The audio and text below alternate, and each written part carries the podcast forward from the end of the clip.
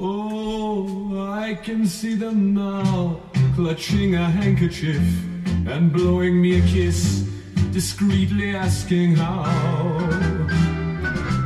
How come he died so young? Or was he very old? Is the body still warm? Is it already cold?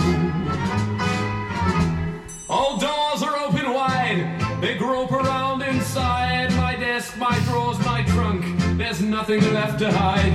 Some love letters are there and an old photograph. They've laid my poor soul bare, and all they do is laugh. oh. Ja, du vet ju vad det här är, för det sa jag innan. Men jag är helt eh, chockskadad. Jag tänkte nu när du sa att du skulle spela Scott Walker, tänkte jag, då låtsades jag vara glad, så här, det blir jättebra, sa jag. Och så tänkte jag, oh, den här deprimerande skiten igen, när han sjunger om kvinnor som blir misshandlade och sånt.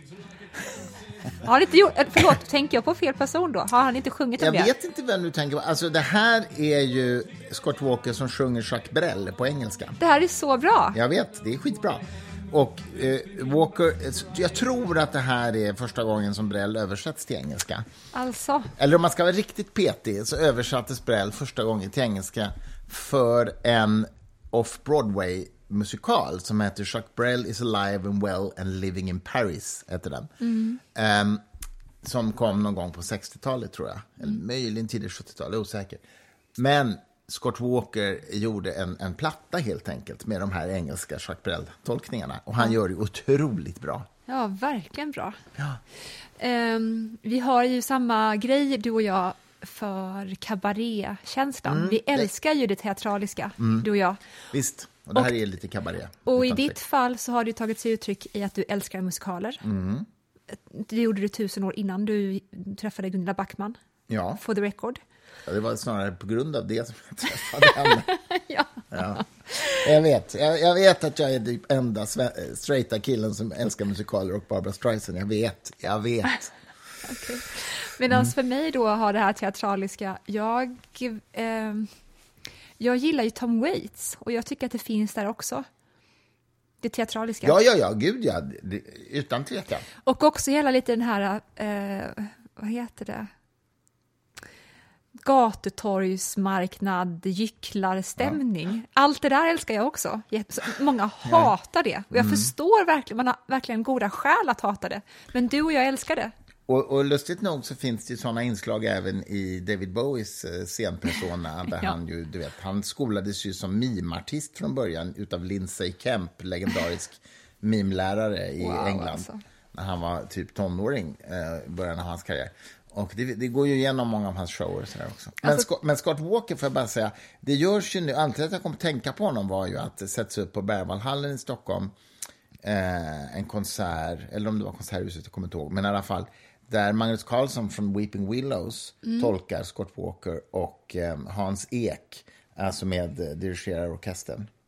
Eller, ja, jag vet inte om han dirigerar, men han i alla Koreografi, fall. Koreografi kanske? Ja, men det är ju en, det är en orkester. Det är alltså en... Eh, jag lär mig aldrig, de där ekarna, de är så många och jag fattar inte vem som gör vad. Men det, det som är roligt är att det görs, det är alltså en hyllningskonsert till Scott Walker och Scott Walker blev ju eh, med tid, han började ju i ett sånt här 60-tals väldigt eh, banalt, får man väl säga, eh, så här band liksom, The Walker Brothers. Mm -hmm. Sen blev han solartist och gjorde bland annat den här fantastiska plattan med Jacques Brel-tolkningar. Sen, och flera till. Sen blev han ju, får man nog säga, lite knäpp. Alltså. För att sen började han ju göra musik som inte gick att lyssna på. Du vet. Mm. Han spelade in skivor där han liksom slog på en köttbit med en hammare. Det var liksom låten, typ. Och så dog han för bara tre, fyra år sedan. Okej, okay. jag fattar. Vad heter det? Tänk ifall man hade en dotter mm. och att hon kom hem och sa jag har träffat en ny kille. Jaha, vad är han? Han är mimare. det är mardröm ju. Ja. Jätteläskigt. Ja, det blir inte så roliga konversationer vid middagsbordet. Oj då. Nej, skämt åsido. Mimare kan nog prata också. Eh, välkommen till den gyllene grenen, Chris mm. Tack. Det Victoria är... Sluta. Det är fredag eftermiddag. Det är som vanligt lite svårt att fundera kring vad vi har gjort överhuvudtaget. Ja. Och eh, vart vi är på väg, det vet vi knappt heller, mer än att vi vill bara fortsätta leva i det här huset och sällan lämna det, mer Ja, än men vi du måste. har ju äntligen lä- lämnat ditt manus, det är ändå värt att fira. Fast vi har ju det. Det lämnar jag ju hela tiden. Ja, du lämnar det det hela ju, tiden. Men så nu håller man ju på så tills det går till tryck. Nej, Fast- det är inte klart än. Fast, fast du ska inte göra något mer innan det går till Jag ska tryck. korrläsa det igen ju. Ska du det? Ja, gud, jag får det tillbaka Okej. nästa vecka. Och du har eh, godkänt omslag. Nu har jag godkänt Mm. omslag. Du var lite irriterad på en gubbe med hatt där. Som hade fel, eh, så att säga, modemässigt stil på hatten. Ja. Det tycker jag är så kul att du liksom påpekar det. Den Va? stackars formgivaren får göra om hatten. Men det är väl så självklart, man kan, ha, man kan ju inte ha en hatt Det är jätteroligt. som man bar sex, 60 år tidigare. Det fattar ju alla. Det fattar ju alla. Där kommer ju den stylisten fram med dig. Som ju, du har ju gjort Jag tror du sa autisten. Nej, ja, det också. Men stylisten, du har ju jobbat en del som modestylist och gjort lite sådana jobb. Och det kryper ju fram här nu när du hittar liksom ett klädesplagg som är en anomali, anakronism i ditt eh, bokomslag. Det är faktiskt väldigt kul. Jag eh, tänker ju ganska ofta på Stanley Kubrick och hur eh, han lämnar den här 40-sidiga instruktionsboken handskriven till sina döttrar och de som jobbar i hushållet hos The Kubricks. De bodde ju utanför London, flyttade dit på tidigt 60-tal. Och när han då behövde ge sig iväg så var han orolig för att hans familj inte skulle kunna hantera och parera de här katterna som bodde i huset. Så han skrev en världens längsta instruktionsbok till alla i hushållet. Så de skulle veta att om det här händer gör ni så här. Om det här sen händer då gör ni så här. Den höll på i evigheter. Och det var någon som frågade honom, men liksom, Sandy, hur orkar du? För det är ju det är arbetsamt att behöva skriva ner det där och Ja, tänka igenom alla kombinationer som kan inträffa också. Och då sa han bara, either you care or you don't. Ja, Och det tänker jag ofta på. Det är att, att bry sig, det är bra. ja, antingen så bryr man sig eller så bryr man sig inte. Och bryr man sig, ja, för mig i alla fall är det så, då, kan, då är inte det, det är, det är av eller på då. Då bryr man sig om allt i det. Ja, det där är intressant. Jag är nog sådär att jag ibland släpper vissa saker. Att jag gör en bedömning av hur viktigt det är i och för sig. Mm. Eh, av, av, något slags tidseffektivitetsskäl kanske. Jag Men du håller inte. på med så många saker också. Du måste hantera ditt liv på ett sånt sätt. Jag gör bara en enda sak varje dag. Om och om igen. Jag gör det. Ja, det är sant. Jag förstår vad du menar. Nej, men det, det, är, ju helt, det är ju helt eh, rimligt. Jag har ju precis godkänt ett omslag också faktiskt. Just det. Min, min boks omslag i Kina. Ja, Den har ju typ fastnat i censuren där i ett och ett halvt år, så jag, den har ju aldrig kommit ut. Men idag fick jag alltså ett mejl från kinesiska förlaget som sa nu ska vi trycka boken om en vecka, nu måste du bara godkänna omslaget. Var det lite kinesiska vi hörde där också? Kinesisk ton. Nu måste vi vara, nu Nej, ska det vi... vet jag inte. Jag begri- det är ju ett ganska snyggt omslag måste jag säga, men jag begriper ju inte ett enda ord eftersom det är kinesiska tecken på allting. Nej, så jag vet ju en- inte var, hur de har censurerat om den här boken. Den kanske, den kanske är en enda stor hyllning till kinesiska ledare, vad vet jag. Ja, absolut. Hoppas den säljer då bara. I don't care i så fall. Men du, vad heter det? Vad Det räcker att ett par procent av Kinas befolkning köper boken så är jag nöjd faktiskt. Ja, precis. Till skillnad från hur du behövde tänka då med, vad var det, Färöarna? Som Ja, din min, första bo, min, min första bo, utgiv, utgivning av någon bok jag skrivit i ett annat land, det Mm. var Färöarna med typ 49 000 invånare. personer. Det är så jävla kul. Så får man en bestseller där så är det typ 200 ex. Men det, Alla släkt- det är en viss kontrast från Färöarna till Kina. det är Alla en kusiner resa. med varandra också. Alla är Ingen, kusiner med ingen, varandra. ingen kan läsa. Ingen Bra. kan läsa. Men det är ändå en viss...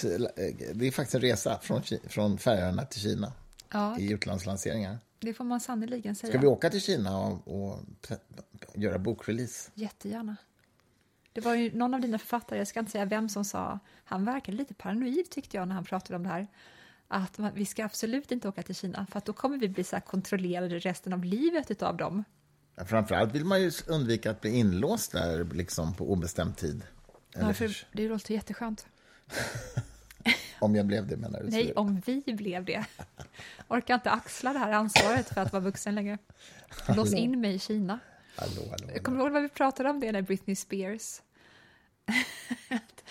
när den Va? här historien uppdagades att hennes pappa hade haft kontroll över hennes finanser och allt sånt där. Och min första reaktion var, gud vad skönt. varför, varför klagar hon? Sen fanns det väl osunda nivåer i det där då som inte jag kunde riktigt... Ta till mig. det. Nu ska jag bara De vill man kolla. ju gärna undvika.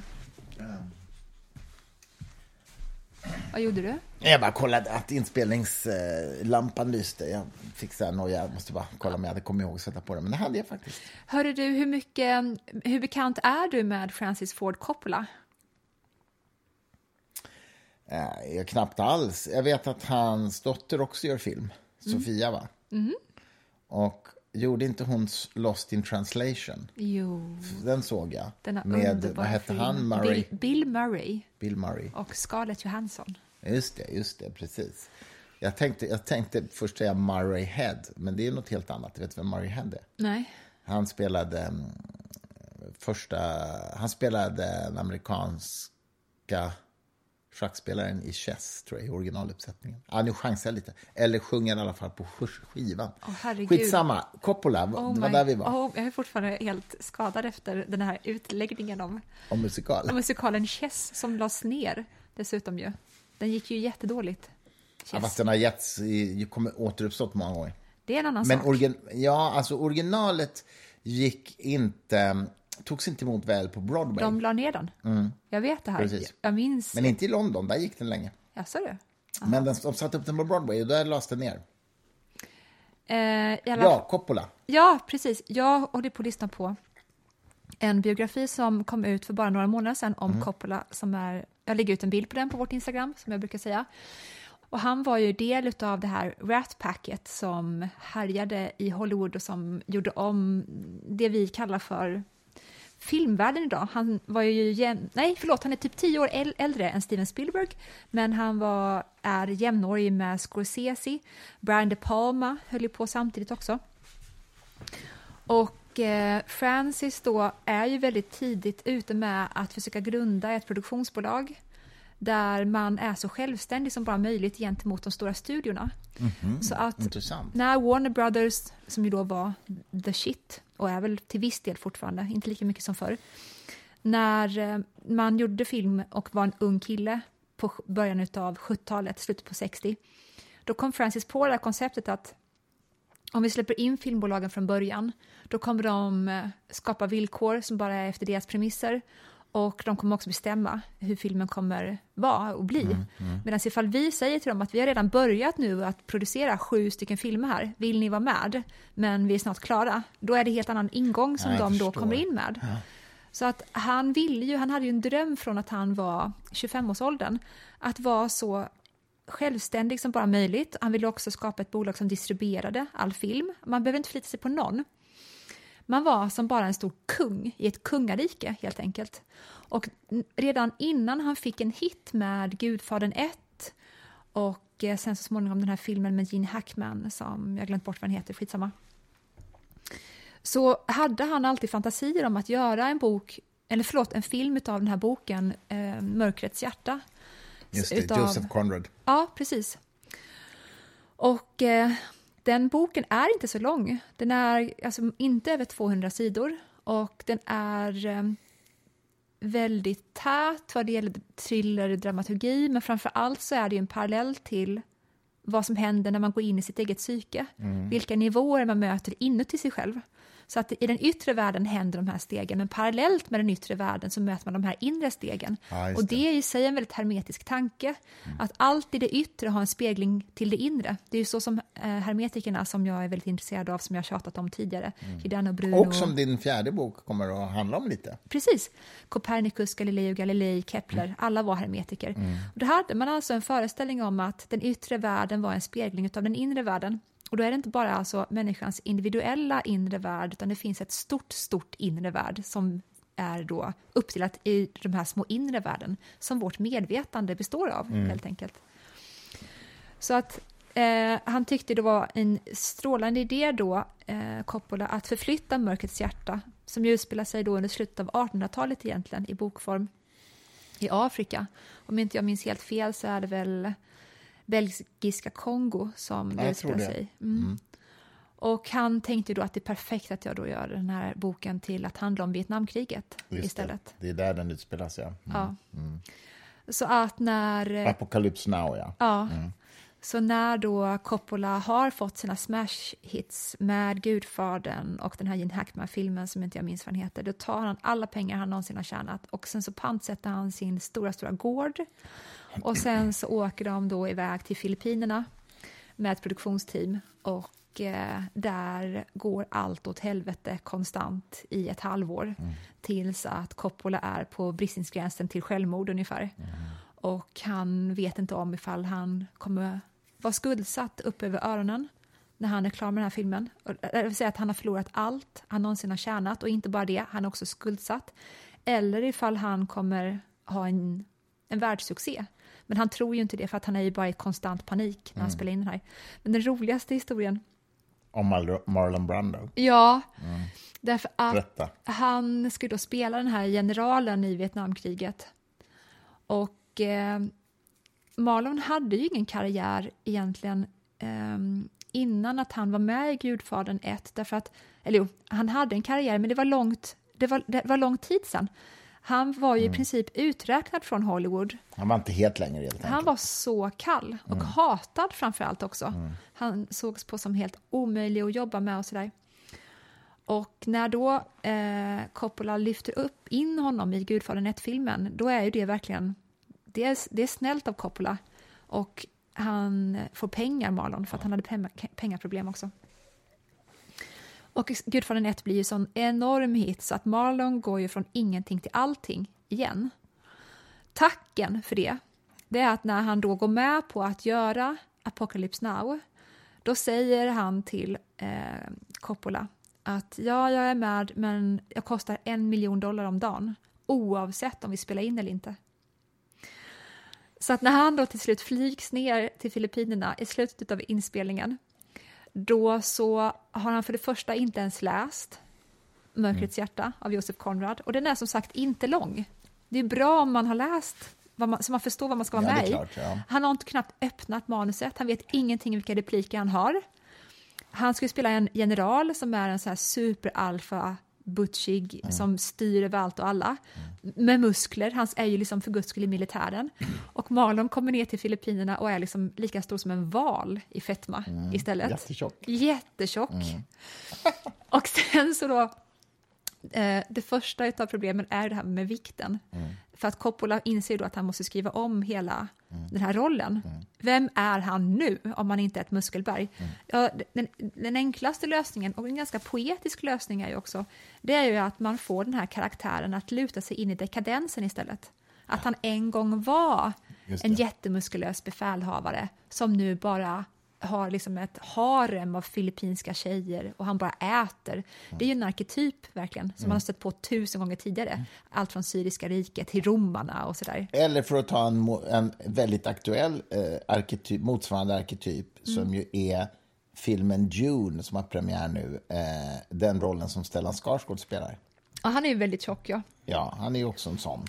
Vet du vad, att det är så himla roligt? Och det här vill jag höra vad du säger, för att om det är undermedvetet eller inte, därför att i Dune 1, en av de första scenerna med Stellan Skarsgård, när han är det här superfläsket, det är att han badar i en pool med svart vätska i ja, och att han sänker ner sitt huvud och kommer upp igen. Och det är ju en direkt blinkning till Apocalypse Now, Precis, när ja. Marlon Brandon gör det här. I, mm. Han kommer upp från den här lerpölen. Nej, förlåt, är det Marlon som gör det eller är det Martin Sheen? Ja, det händer hur som helst i Apocalypse ja. Now. Det är en blank, mm. blinkning till den här filmen. ja, precis. Det är en bild som man har sett många gånger från filmen också. Ja, visst. Och som jag helt ärligt faktiskt ska säga att jag har snott också till mm. min tredje bok som kommer ut nu i maj. Mm. Så är det en väldigt, väldigt eh, tjock man som sänker ner sig själv i en mörk pool också och kommer upp igen. Kan du inte berätta varför han gör det lite grann i alla fall? Nej, det finns inte något jätteintressant historia bakom. Han är bara cancersjuk, den här väldigt tjocka mannen. Och badar på Centralbadet en mm. gång i veckan efter stängningstid. Mm. Och då blir han hjälpt ner i poolen, i den här kolsyrebassängen och okay. sänks ner under ytan där i den. Mm. Det har jag hittat på. I alla fall, tillbaks till Marlon och Coppola. Um, när Coppola då föreslår för Marlon att vi kanske ska skriva om karaktären då så att han är den här som bara sväll, svullar i uh, smaker och sex och allt det här. Mm. Då, då säger Marlon till Coppola, och det här är så himla roligt, nej, Jag vill vara eh, den muskulösa generalen. Okej. Vad säger man då till någon? Mm. Ja, men du är inte det. Helt enkelt. Nej, du kan men- inte spela det. Men, då, men, När du ser ut som du gör. ja, men eh, det får han lösa med kameravinklar, tänker han då. För han vill vara den. Herregud, alltså. Var inte Elizabeth Taylor gift med honom typ tre gånger? Nej, Richard Burton var hon gift med tre Aha. gånger. Okej, jag blandar ihop dem. Okej. Han såg in, han var ju, de var ju väldigt alkoholiserade båda två. Mm. Men, eh, men vad är det med Richard? Ah, vi ska inte fastna i dem nu. Eh, Okej, det är problem då. Han vill inte gå ner i vikt, men han vägrar att spela någon tjock. Den är ju svår. Och sen då så är det här att han inte har lärt sig replikerna och att han inte förstår vilken film han är med i. Så att Marlon kräver liksom att han och Francis i dagar ska sitta och gå igenom manuset tillsammans. Ungefär som man pluggar med ett barn. Liksom. Och att eh, han vägrar också, liksom, när han väl förstår replikerna och läser dem, så tycker han att de inte är bra. Så de ska skrivas om. Och det här kostar ju en miljon dollar om dagen. Dessutom. Så att när det då har gått hur lång tid som helst, säg en halv månad, då håller de fortfarande på i Marlons jävla hydda. För att han vill prata mer om replikerna. och de har ännu inte börjat spela in. Inte nog med att Marlon kostar så mycket pengar under inspelning, utan det är så också att hela det här produktionsteamet som ljudtekniker, eh, kameramän, det är ju så många Ja, människor som bara sitter och Som väntar. avlönas, ja. som avlönas varje dag. Och grejen är då att under tiden som Marlon bara liksom fuckar runt i sin jävla hydda med Coppola, då börjar de andra männen i produktionen, de, de tar ju syra och sånt. För att liksom, de är på väg att bli galna i den här varma djungeln och klarar liksom inte av att behålla their minds. Nej. Och detta är liksom då... Vilken ja, historia. Ja, samtidigt försöker då Coppola att förstå vad som egentligen är slutet på filmen. För att han har åkt ner och trott att han hade slutet, men inser under tidens gång att han har inte slutet. Inget självklart slut i alla fall. Så medan han försöker liksom hålla alla de här bollarna i luften med pengarna, med Marlon, med produktionen, eh, med alla jävla helikoptrar som eh, de blev lovade att få låna av filippinska militären med flygmänniskor som sitter och flyger dem som sen bara inte kommer tillbaka med helikoptrarna. Allt är bara fruktansvärt och han har inte slutet. Samtidigt då så är ju Martin Sheen extremt alkoholiserad. Det var ju Harvey Keitel som skulle spela Martin Sheens roll från början. Men han förstod ganska snabbt Coppola att det funkar inte med Harvey Keitel. Så att de tar in Martin Sheen istället. Det är på den tiden som han fortfarande dricker. Han blev ju nykter sen.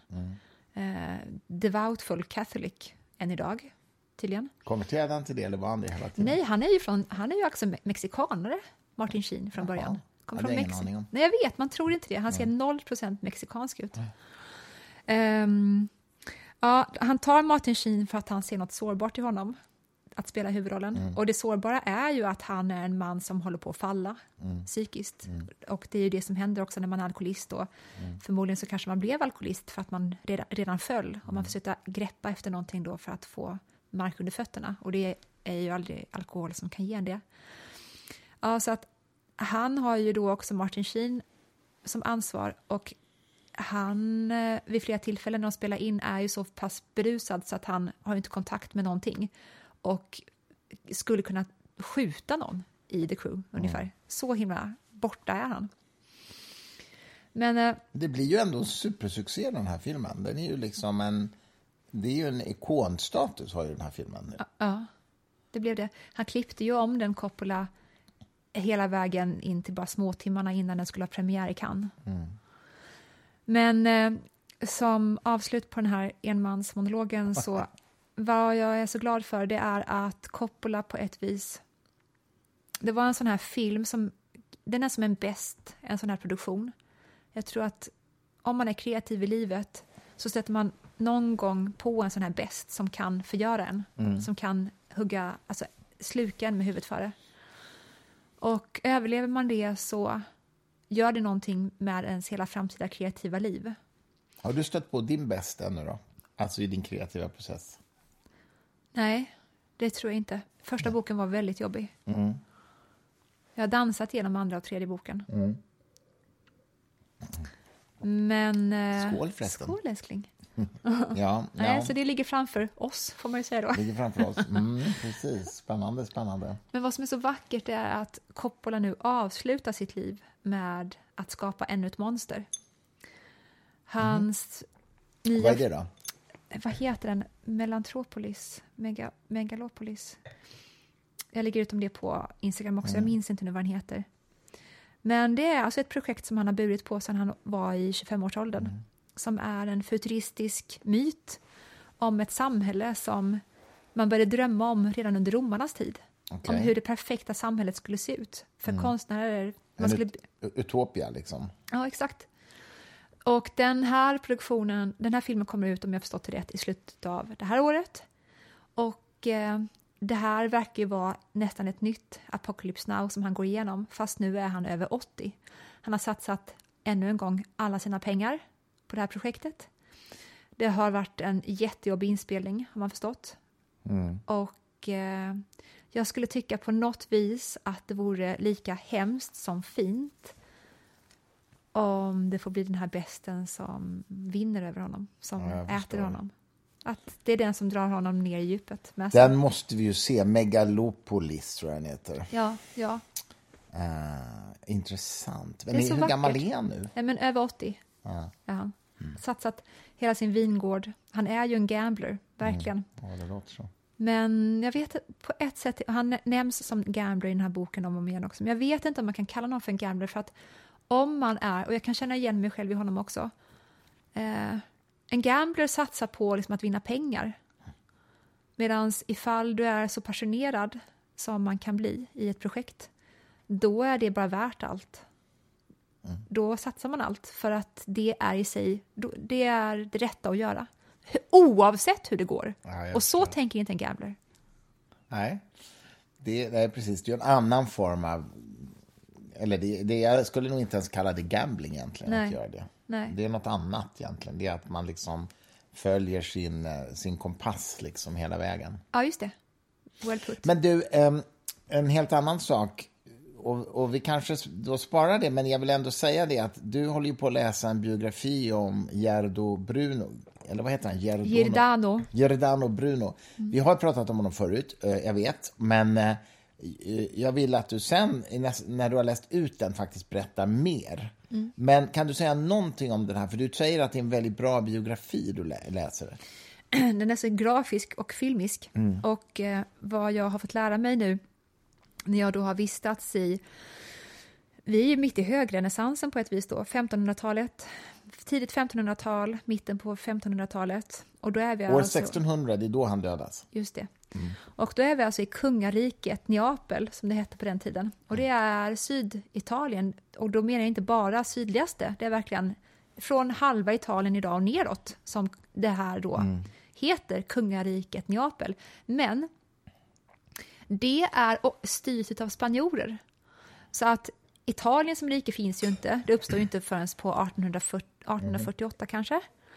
Och när vi är under renässansens tid så är alltså södra Italien styrt av spanjorer. Och vad spanjorerna har, som inte italienarna har, under 1500-talets början, vet du vad det är? Det är en inkvisition. Ja, ja, just det. Mm. För det hade inte italienarna då. Snarare är det så att italienarna är styrda ifrån Rom och Vatikanen. Där får de vissa direktiv. Sen får de andra di- direktiv från Spanien och inkvisitionen. Och de funkar inte med varandra. Så att inkvisitionen är de här svarta jävla assholesen som är rigida och eh, alltså nidbilden av katoliker förr i tiden då man brände folk på bål och, Och torterade dem. torterade dem på järnstolar och skit. Det är inkvisitionen. Men då på grund av att reformationen härjar i Centraleuropa och de här idéerna som Luther kom med verkligen vinner fäste, inte minst och så småningom också i Nordeuropa, Tyskland. Då är det så att vad ska kat- katolska kyrkan göra för att på något vis förhålla sig till det som händer inom kristendomen? Jo, man skapar då det här kyrkomötet i Trent. Då man ska komma fram till hur ska vi hantera den här skiten som vi nu har fått i våra händer. Ska vi liksom försöka ändå gå med på att ja, det kanske inte är så bra att säga att den enda vägen till frälsning är genom kyrkan. Det kanske räcker att tro på Jesus. Och det här liksom med att eh, flera präster skor sig och lever i lyx och sådär. Ska vi ta bort det kanske? Och det här med att man liksom kör med avgudadyrkan med helgon och sånt kanske inte är så bra. Vi kanske bara ska köra då på att det är bara Gud och Kristus vi ska digga mm. superhårt. Och det finns alltså då väldigt många röster inom katolska kyrkan som inte minst kommer från Venedig som säger att ja, men vi kanske borde, det här är ju vettiga saker. Det är ju inte galenskap de kommer med. Mm. Vad ska vi göra? Men då är det tyvärr så att den andra rigida linjen från Rom så småningom vinner. Och man bestämmer sig för att istället för att möta reformanterna med att blidka dem i ja, deras uppfattning om saker och ting så drar man åt svångremmen ännu hårdare. Det blir svaret och det är så dumt så det finns inte. För att eh, konsekvenserna av detta det är alltså att Italien, eller kungariket menar jag då, kungariket Neapel med Rom, de startar sin egen inkvisition. Så att de ska också visa att vi minsann kan med. Mm. Och det blir den officiella hållningen mot reformationen. Mm. Man säger att nej, vi väljer den hårda linjen och nu uppstår inkvisitionen i Italien också. Det finns ju en intressant parallell faktiskt till islams utveckling vid den här tiden, eller tidigare egentligen i det fallet, men där det ju fanns en slags vad ska vi säga, blomstertid där det fanns otroligt spännande muslimska filosofer, Var är matematiker och tänkare. Ja, det är en bra fråga. Ehm, jag tror kanske kring 1200-talet, men jag är inte jättesäker på du den här Du tänker på den här tiden när muslimerna var i Spanien innan morens sista suck och allt det där, eller? Ja, och, och där ju muslimska tänkare eh, transkriberade och översatte och eh, grekiska filosofer. Ja, men det gjorde de ju i Mellanöstern. Det höll de på med i Istanbul till exempel. Mm höll man på med det. Många av de eh, skatter vi har idag, Platon bland annat, ja. kommer ju från ja, arabiska översättningar. Och den handeln utförde man i Istanbul. Ja, precis. Och, men egentligen min poäng är att, att sen vann ju så att säga den fundamentalistiska linjen, så att säga. Den har ju präglat salafismen, Saudiarabien och så vidare idag har ju ja. en... Man kan säga att den intellektuella filosofiska utforskandet blev inte det som blev det dominerande i den muslimska världen. Utan det blev en, en mer radikal linje. Det, det med massa variationer såklart. Det är ett narrativ och jag vet att vi har framfört det och sagt det många gånger tidigare. Men sen stötte du och jag på patrull hos någon person som sa nej, nej, nej, så där är det inte. Vem var det? Hon, tror jag det var, sa. Därför att de som var fria tänkare av den sorten har alltid funnits inom muslimska världen. Men de har alltid varit de avvikande. Och eh, nu menar inte jag att islam i sig är eh, andefattigt vad det gäller det intellektuella. Men jag, jag, vill, jag vill bara liksom vända upp och ner på den här tanken på att sen blev det radikalt. Snarare så, det har alltid varit extremt fundamentalistiskt och det har alltid funnits strömningar som är intellektuella samtidigt. Och det är bara det att man har liksom hittat bättre sätt att kontro kontrollera sina geografiska områden. Mm, fast jag tror att proportionerna har varit annorlunda. Helt det tror enkelt. du? Okay. Ja, det är ändå det intryck jag har fått av de små bits and pieces jag har läst. Att det fanns en tid när de hade en mer vad ska vi säga, framträdande roll, de här filosoferna. Men, eh, men vad heter det, idag så är det ju uppenbarligen så att de som tänker på det viset får ju gå i exil i princip från ganska många länder i alla fall. Nu håller jag ju på att läsa en, en, en bok om Osmanska riket. Eh, jag har ju knappt börjat så jag ska inte säga så mycket om den ännu, men det är väldigt intressant i alla fall hur det har utvecklats genom Nu minns jag vad det var, det var en kvinnlig författare som du skulle släppa. Minns du vem det är nu? Mm. Uh, ja, nej, inte, inte direkt. Okay. Men, uh, men, uh, ja, men det, är i alla fall, det är i alla fall intressant. Och jag vet ju att det fanns ju stora muslimska matematiker vid den här tiden, till exempel, som, som har bidragit till matematikhistorien. Och det fanns då de här filosoferna och de här transkriberingen av grekiska texter. Men en helt annan sak, om jag byter spår, ska bara säga att jag, jag lunchade ju idag med en professor i astrofysik, Bengt Gustafsson, som håller på att skriva en bok om konst och kvantfysik. Mm. Eller har skrivit klart den egentligen, den kommer ut snart. Men i alla fall, han berättade, här kommer du gilla, han berättade, vi pratade om massa olika saker under lunchen, men han berättade bland annat om att han igår hade haft en föreläsning om ingenting, som han sa, det vill säga begreppet begreppet ingenting inom det här fysiken. Jag. Mm, jag vet, jag visste du skulle säga det. uh, och att det är ju, det är ju så att säga ett koncept som... Eh, för det första så kan man inte åstadkomma ingenting eh, rent alltså i laboratorium. Det går inte. Men det skulle man kunna se som en praktisk begränsning. Det är ju egentligen inte så märkvärdigt. Men han menar ju också då att det, eller det finns filosofer inom historien som har sagt att man kan inte ens tänka sig Nej. ingenting. Exakt. Att det, det är så att säga en, en paradox i sig. Det, det är en Och- negation. Ja, ja precis. Och, eh, och, och utifrån vad man vet idag om fysiken så har man ju det som man kan uppfatta som tomrum i alla fall, att det sker en massa kvantfluktuationer hela tiden där saker och ting kommer in into existence så att säga och sen försvinner och så vidare. Och det där är så vitt jag förstår mätbart att det är på det viset. Ja. Men vad han också sa som jag tyckte var rätt kul var att att, ja, vi har ju pratat om det tror jag förut, att i slutet av 1800-talet så hade man ju föreställning om att det fanns en eter eh, som ju var någon slags, någonting som ljuset färdades igenom och så vidare. Va? Och, eh, man kunde inte finna den där etern, man kunde inte påvisa den på något sätt. Så att sen till, till slut så avskrev ju fysikerna det egentligen.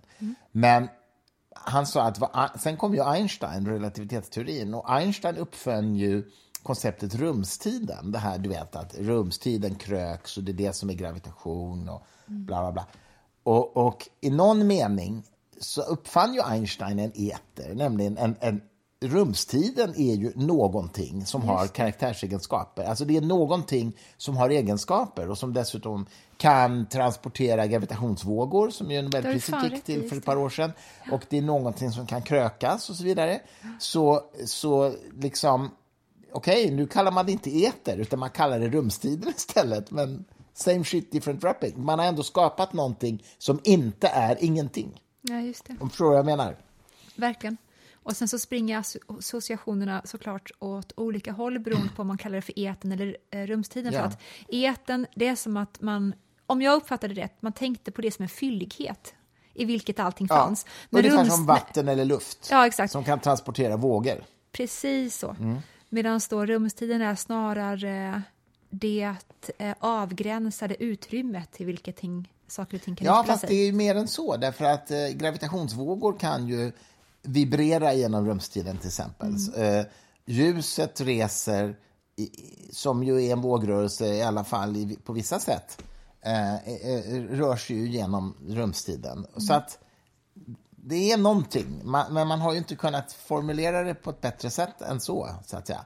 Men i någon mening så har vi ju en eter i alla fall, fast vi kallar den rumstiden idag. Men, men eh, vet man att ingenting finns? Ehm, Finns det någonting eller någonstans som är ingenting? ehm, För att om, om du bara funderar medan jag pratar, du behöver inte ens lyssna, så är ju det dumt nog, har jag alltid tyckt. Den centrala frågan när man pratar om gudsbegrepp. ja. Varför finns någonting istället för, istället för ingenting? Ja, snarare och, det är ju inget, så, ja. och det är så dumt, för att vi vet ju inte vad vi menar med ingenting. Vi vet inte ens att det någonsin har existerat ett ingenting. Heidegger vet jag vände på det och sa att, att, att utgå från att det först är ingenting som sen blir någonting. Hela där li- ligger ett fel som leder till ett felslut i alla den här sortens samtal. Ja, men man skulle ju kunna, man skulle ju ändå kunna formulera det så här. Vi vet att det finns sånt som solar och planeter och vintergator och stjärnor och så. Ja. Materia. Vad, exakt vad det är vet vi inte riktigt. Nej. Och, eh, så, men det, det är ju något i alla fall. Och, och grundfrågan är ju så här. Varför finns det snarare än kanske en tom rumstid? Alltså tom åtminstone på solar och ma- materia och, planeter. Den frågan kan man fortfarande ställa sig. Jo, om det, om, det är, om det är fruktbart att göra det. Men ifall vi utgår från att något har alltid funnits, då blir det ju mer snarare häftigt att tänka, som, tänk ifall det kan föda, föda fram ett ingenting. Istället för att utgå från tvärtom. Ja. Mm. Ja, men precis. För att, du prat, för att när man pratar på det sättet, då utgår man också i perspektiv på verkligheten från Newton. Och man pratar om solar och planeter. Ja, så ser det ut. Men fortfarande ifall man zoomar in på verkligheten och man ser de här enorma voiden utav mellanrum som finns, där mörk materia och mörk energi finns. Och sen så kommer liksom partiklar och går ut och in genom det här hela tiden. Ja. Det är ju så. Det, ja, och det är, alltså, Det det är, ju så så. mycket vi inte förstår längre. Bengt Gustafsson berättade om ett experiment där man, som man tydligen, ska vi säga, kassereffekten tror jag det hette. Mm.